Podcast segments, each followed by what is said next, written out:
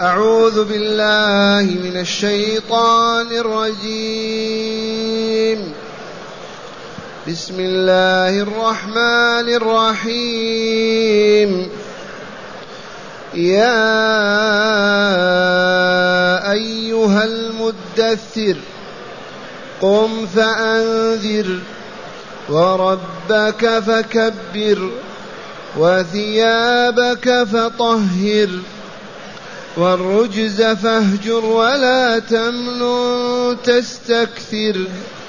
ولربك فاصبر فإذا نقر في الناقور. فذلك يومئذ يوم عسير. على الكافرين غير يسير. أحسنت. معاشر المستمعين والمستمعات من المؤمنين والمؤمنات. قول ربنا جل ذكره يا أيها المدثر من المنادي؟ الله. منزل هذا الكتاب مرسل هذا الرسول. خالقنا وخالق العوالم كلها. هذا هو الله رب العالمين هو الذي ينادي يا أيها المدثر. ومن هو المدثر؟ إنه محمد رسول الله صلى الله عليه وسلم. ومعنى المدثر الملتف قطيفة من القطائف. ولهذا سبب علمناه بالأمس لما درسنا يا أيها المزمل. فعلمنا لما انقطع الوحي عن رسول الله صلى الله عليه وسلم ثم ظهر له جبريل في السماء وبشره بأنه نبي الله جاء إلى خديجة ترتعد فرائصه وهو يقول زملوني دثروني زملوني دثروني أي غطوني. بردان فمن ثم ناداه ربه بيا أيها المزمل ويا أيها المدثر. ناداه ليأمره بقوله قم فأنذر. قم من فراشك قم من جلوسك فأنذر قومك عذاب الدنيا وعذاب الآخرة. إن أصروا على الشرك والكفر والفسق والفجور. قم أنذر قومك. ينذرهم مما من العذاب أن ينزل بهم. عذاب الدنيا وعذاب الآخرة. أنذرهم ليتوبوا إلى الله ليسلموا قلوبهم ووجوههم لله ليعبدوا الله وحده ويؤمنوا بلقائه وبرسالة نبيه. قم فأنذر. ثانيا وربك وربك فكبر. امره ان يعظم ربه بتوحيده باجلاله باكماله بفضائله بكل خير وكمال. كبره عظمه. غيرك يعظمون الاصنام والاحجار ويعبدونه وانت عظم ربك وكبره. واعبده ولا تعبد معه غيره. وادعو الخليقة كلها إلى عبادته وتعظيمه وإجلال وإكباره. ثالثا وثيابك فطهر وثيابك التي تلبسها طاهرة من النجاسات كالبول وما إلى ذلك. إذ قومه نجسون لا يبالون بالبول أبدا. يتغوط ما يتجرد ولا يفعل شيئا. وهذه سنة أبي القاسم. أول من فعلها هو وبقية الأمة كلها إلى يوم القيامة تفعلها. فلا نصح أبدا لا تصح صلاة ببول ولا بخور ولا بدام ولا بنجاسة. وثيابك يا من يلاقي ربه ويناديه ويقف بين يديه ويتقرب إليه يجب أن تكون طاهرا. وإذا كانت الثياب طاهرة في الجسم من باب أولى ومن هنا شرع الله الغسل من الجنابة.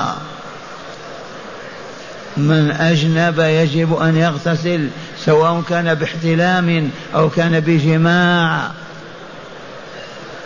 الغسل تطهير طاهر جسمك طاهر ثيابك لأنك من رسول الله. المرسل من قبل الله لينذر قومه عذاب الدنيا والآخرة من أجل أن ينتهوا من عبادة الأصنام والشرك والكفر والعياذ بالله. وثيابك فطير والرجز فهجر. الرجز العذاب في لغة العرب. الرجز العذاب. والرجز والرجز نوع من الشعر. الرجز نوع من الشعر. لكن المراد هنا العذاب المترتب على عبادة غير الله. والرجز فهجر اهجر الأصنام والأوثان وما يعبد من دون الله لتنجو وتسلم ولا تعذب. والرجز فهجر اهجر العذاب. أي عذاب هذا؟ العذاب المترتب على عبادة غير الله على عبادة الأصنام والأحجار كما هي قريش تفعل ذلك. أمره أن يهجر الرجل ويبتعد عنه.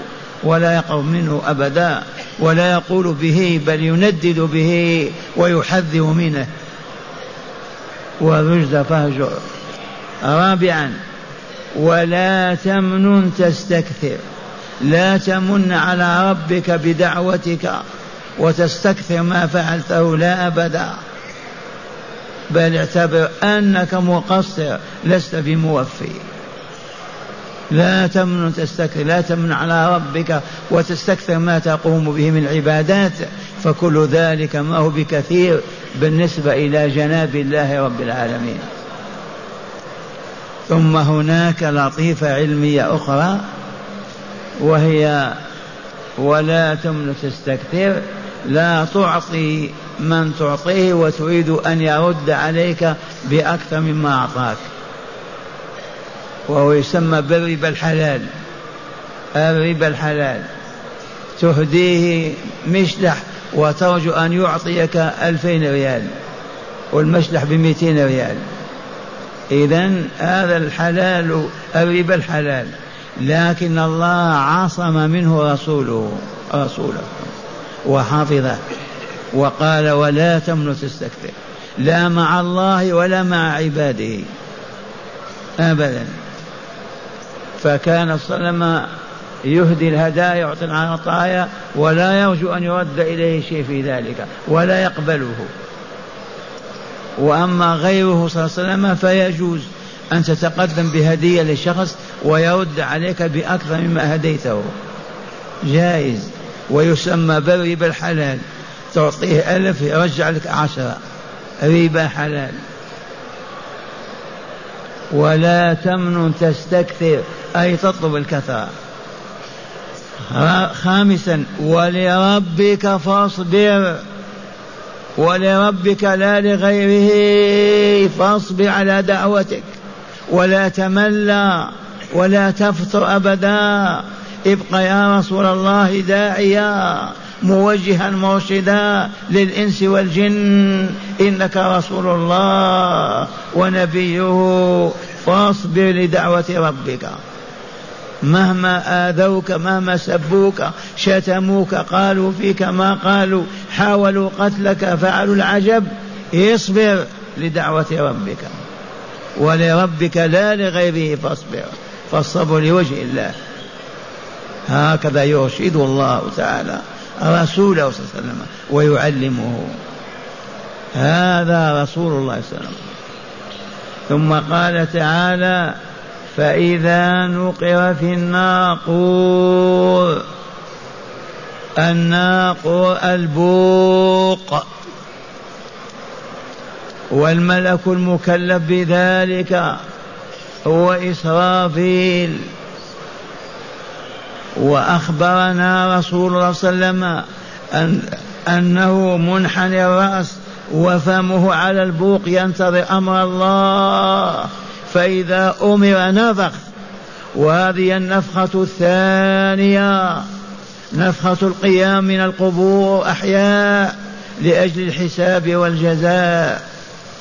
ونفخة أولى كذلك نفخة الفناء. وانتهاء الوجود هذا فلم يبق إنسان ولا جان ولا حيوان بل ولا جبل ولا سماء الكل يذوب ويتحلل.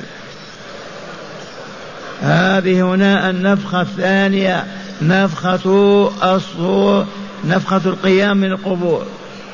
فإذا نفخ في الصور فذلك يومئذ يوم عسير.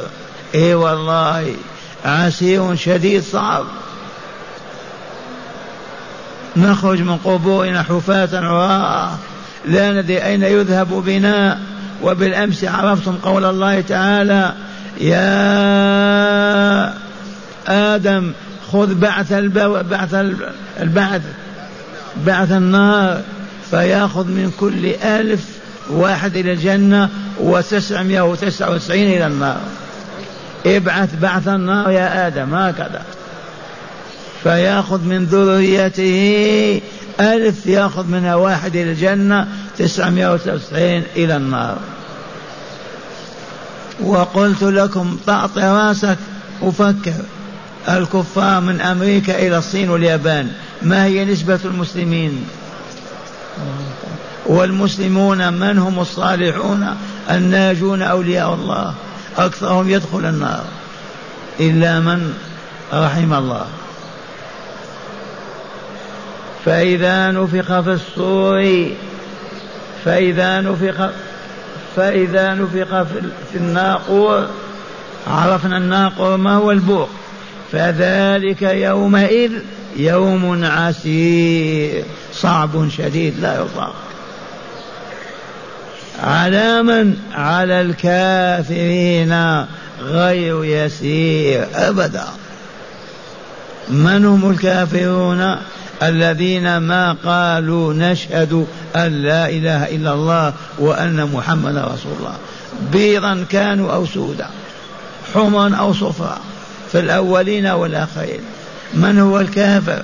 الذي لم يؤمن بلا إله إلا الله وعبد غير الله مع الله ولم يؤمن برسالة رسول الله فلم يقل أشهد أن لا إله إلا الله وأشهد أن محمد رسول الله. ذلكم والله لهو الكافر. من لم يؤمن بالله ولقائه بالله ورسوله بالله وكتابه, وكتابه, وكتابه والله لكافر كافر. حتى لو عبد الصنم أو الأحجار أو الشياطين. هكذا يقول تعالى فإذا نفخ في الصور فإذا فإذا نقر في الناقور فذلك يومئذ يوم عسير. على من؟ على الكافرين غير يسير وهو عسير على الكل لكن على الكافرين عسر لا نظير له. المؤمنون عسير عليهم حفاة عراة ينتظرون حكم الله. يوم عسير قطعا لكن على الكافرين غير سهل ولا ميسر ولا يسير. مفهوم وعلى المؤمنين الصالحين يسير. نعم. هكذا يخبرنا تعالى في كتابه العزيز القرآن الكريم. هذا هو القرآن الكريم الذي يجب أن نجتمع عليه في بيوت ربنا كل ليلة وطول العمر. لا نحول إلى الموتى نقرأ في القبور وفي بيوت الموتى. يجب أن نعود إلى كتاب الله مع هداية الآيات. بسم الله والحمد لله والصلاة والسلام على خير خلق الله سيدنا ونبينا محمد وعلى آله وصحبه. من هداية هذه الآيات أولا الجد طابع طابع المسلم فلا كسل ولا خمول ولا لهو ولا لعب. ومن فارق هذه فليتهم نفسه في إسلامه. الجد ضد الهزل الجد طبع المؤمن دائما جاد. والله يقول يا أيها المزمل قوم الليلة إلا قال يا أيها المدثر قوم فأنذر. وأتباع محمد مثله صلى الله عليه وسلم. الجد ولا هزل العمل ولا نوم ولا عبث. ولا له ولا باطل وإنما هو عبادة الله بما شرع أن يعبد بها ودعوة الخليقة إلى ذلك. نعم. ثانيا وجوب تعظيم أسمائه وصفاته وتعظيم كلامه وكتابه وتعظيم شعائره وتعظيم ما عظم. أي نعم يجب تعظيم الله وتعظيم كتابه ورسله وأوليائه وآياته لأن الله قال وربك فكبر أي عظم. عظم آلاءه ونعمه أعظم صفاته أولياءه أنبياء الكل. يجب أن نعظمهم ولا نهين واحدا منهم. نعم. ثالثا وجوب الطهارة للمؤمن بدنا وثوبا ومسجدا أكلا وشربا وفراشا ونفسا وروحا. من هداية الآيات وجوب الطهارة على كل مؤمن مؤمنة في اللباس في الثياب في المسجد في الطعام في الشراب في النوم في دائما المؤمن طاهر في كل شيء. أخذا بقول الله تعالى وثيابك فطهر ونحن أتباعه مثله. الطهارة واجب على كل مؤمن حتى في الطعام والشراب يكون طيبا طاهرا. نعم. رابعا حرمة العجب فلا يعجب المؤمن فلا يعجب المؤمن بعمله ولا يزكي به نفسه ولو صام الدهر وأنفق الصخرة وجاهد الدهر. نعم من هداية الآيات. وهو قوله تعالى ولا تمن تستكثر من هداية الآيات على المؤمن ألا يستعظم عبادته ولا عمله الصالح ولا رباطه ولا جهاده أبدا دائما يرى أنه مقصر وأنه ما أكمل ما يجب عليه. ما يشعر بأنه أكمل وأنه أتم أبدا. دائما يعرف بأنه عاجز وضعيف وما أكمل. والله يقول يا رسول ولا تمن تستكثر نعم. خامسا وجوب الصبر على الطاعات. فعلا وجوب الصبر على الطاعات فعلا وعلى المعاصي تركا وعلى البلاء تسليما ورضا. من هداية الآيات وجوب الصبر على المؤمن. على العبادة أن لا يفرط فيها وعن المعصية لا يقربها وعن البلاء لا يجزع ولا يغضب إذا ابتلاه ربه بمرض أو بعلة من العلل. يجب الصبر ولربك فاصبر. فعلى كل مؤمن أن يصبر في ثلاثة مواطن. الأول الصبر على العبادة ما يفرط ولا يقصر. ثانيا الصبر على المعصية ما يقربها ولا يفعلها أبدا. ثالثا الصبر على البلاء إذا ابتلاه ربه وامتحنه ما يسقط ولا يجزع بل يثبت ويصبر. روى أحمد عن ابن عباس في قوله تعالى فإذا نقر في الناقور قال قال رسول الله صلى الله عليه وسلم كيف أنعم وصاحب القرن قد التقم القرن وحنى جبهته ينتظر متى يؤمر فينفخ.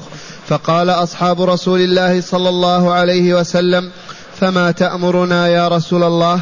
قال قولوا حسبنا الله ونعم الوكيل على الله توكلنا. الرسول قال كيف كيف كيف؟ وإسرافيل وضع فاه على البوق كيف أنعم في هذه الدنيا؟ تألم أصحاب قالوا ماذا نصنع؟ قال قولوا حسبنا الله ونعم الوكيل. الله على الله توكلنا. هذا الذي ينفعنا. حسبنا الله ونعم الوكيل. على الله توكلنا. حسبنا الله ونعم الوكيل. على الله توكلنا. حسبنا الله ونعم الوكيل. على الله توكلنا. هكذا أرشدهم صلى الله عليه وسلم. نستمع الآيات مجودة أيضا. أعوذ بالله من الشيطان الرجيم. بسم الله الرحمن الرحيم. يا أيها المدثر قم فأنذر وربك فكبر وثيابك فطهر والرجز فاهجر ولا تمنن تستكثر ولربك فاصبر فإذا نقر في الناقور فذلك يومئذ يوم عسير. على الكافرين غير يسير. الحمد لله أنه على المؤمنين يسير. اللهم اجعلنا منهم.